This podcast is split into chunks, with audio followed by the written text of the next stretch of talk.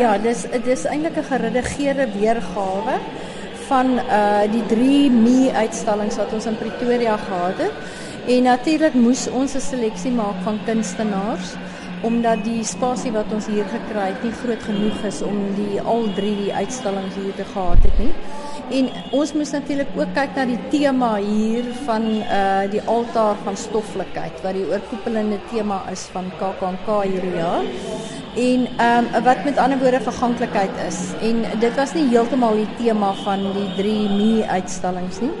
So die werke wat hier gekies is is al drie eintlik dan nou gekies om te werk met verganklikheid, maar my uh invalshoek was eintlik geweest om te kyk na die impak van tegnologie uh, spesifiek digitale tegnologie en dan die sosiale media soos Facebook en Twitter en die waar daar baie kort lewentjies is as 'n mens dit nou so wil noem of of of baie lewens wat gebore wat wat gemaak word in in in in die sterftes. Jy weet simboliese of metaforiese sterftes as 'n mens so wil praat. Ja, en dit verduidelik dan seker ook hoekom die luisteraars al die geluide hier in die agtergrond hoor. Jy's daai digitale wat jy ingebring het. Dis die digitale, daar's twee digitale werke. Daar's een van Johan Tom en dan's daar een van Daan Reystyn.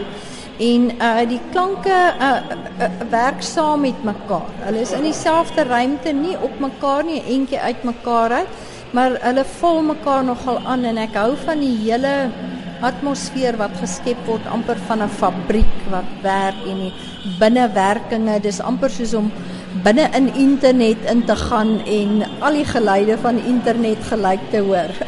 wat my opgeval het is die is die geweldige groot verskeidenheid van medium wat gebruik is en dis so half vir ja. my asof die medium iets ook sê van die kunstenaar asof dit 'n identiteit skep van wie hulle is. Ja. Is is is die mediums wat hulle gebruik het eie aan wie hulle is of het hulle almal ook uit die boks uitgedink? Nee, dis absoluut. As jy kyk na Kalien en Ray se werke, jy weet die keramiekwerk, dit is eie aan hulle. Uh Sinjin Fuller se Camera Obscura werke. Guy de Toey met sy bronswerke, Nelien Broer met die digitale teks. Chris Diedriks met sy tekeninge, sy grafiese werk, Lionel Smit met sy brons en sy grafiese werke en dan Jane Crochet Hall met haar bubble wrap en dan Reinstein met die video. Elke dit is en en die medium is ontsettend belangrik in die uh, uitbeelding van die idee. So dit gaan hand in hand met die inhoud van die werk en dra ook tot 'n groot mate die boodskap van die werk. Ek wil graag hê ons moet praat oor die bubble wrap. Mm. Moet sê dit is iets wat ek nog nie gesien het nie. Ja.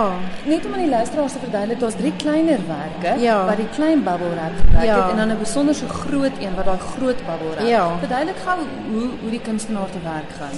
Wat sy doen is sy neem 'n foto. Nou die groot werk is 'n portret van haarself. Dis 'n selfportret. Dit is gemaak vir die Tammy Manelli kunstoekenning van 2011 waarvoor sy dan nou ook die eerste prys vir skilder gewen het met die werk.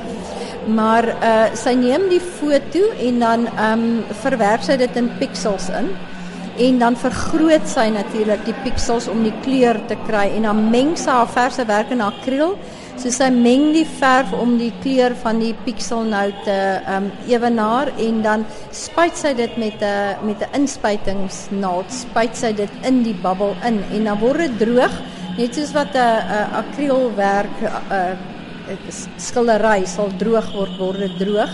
En dit is natuurlik baie duursaam want baie van die besoekers hier vra vir my oor die duursaamheid. Dan sê ek wel dis eintlik meer duursaam as 'n akrielwerk want dit het nog 'n plastieklaagie bo oor. Is is 'n magte om verskeidenheid waaroor ons kan gesels, maar hier's ander wat my ook opgeval het.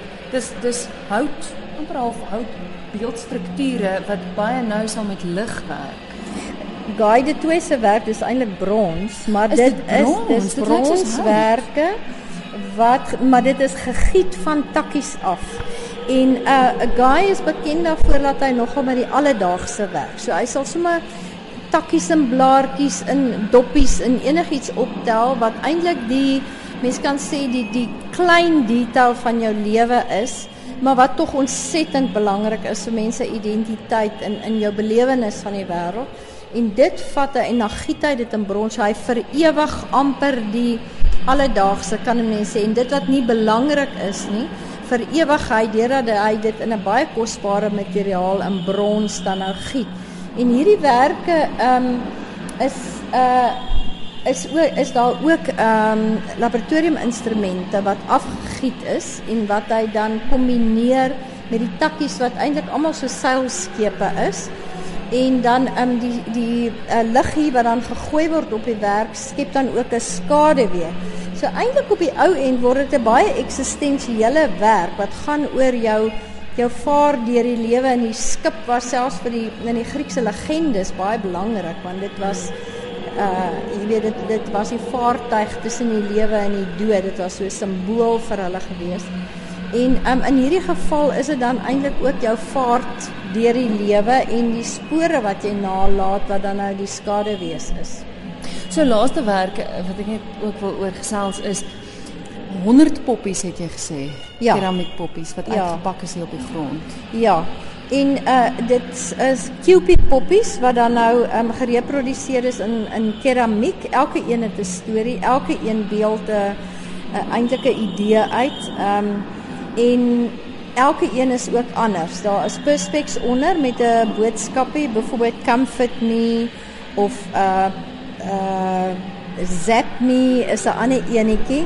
En dan het hulle ook daar's byvoorbeeld party van hulle wat op 'n bedjie lê, 'n keramiek bedjie of 'n tekening wat onder hulle neergesit is. En die oorkoepelende idee is eintlik maar die kwesbaarheid van die kind en die ondervindinge waardeur die kind gaan en hoe die kind ook kan mishandel word en ehm uh, misbruik word maar ook die vreugdes van die kind en eintlik hoe weerloos die kind is En dit is wat so oulik aan hulle is, is hierdie klein cupie poppie weerspieël dit absoluut. En ek dink dan ook die breekbaarheid van die keramiek wat gaan oor die breekbaarheid van die kind. Maar dit is nogals 'n werk wat besonder baie emosie ontlok want ek het deur die hele deur die hele lys gegaan van die verskillende ja. name en dis was met tye wat jy wat jy soek en saamstem want dit is mooi en dan ja. is daar regtig lelikes. Ja, daar is lelikes en daar is donker momente hmm. en wat eintlik praat, wat wat baie eerlik is baie. en wat sê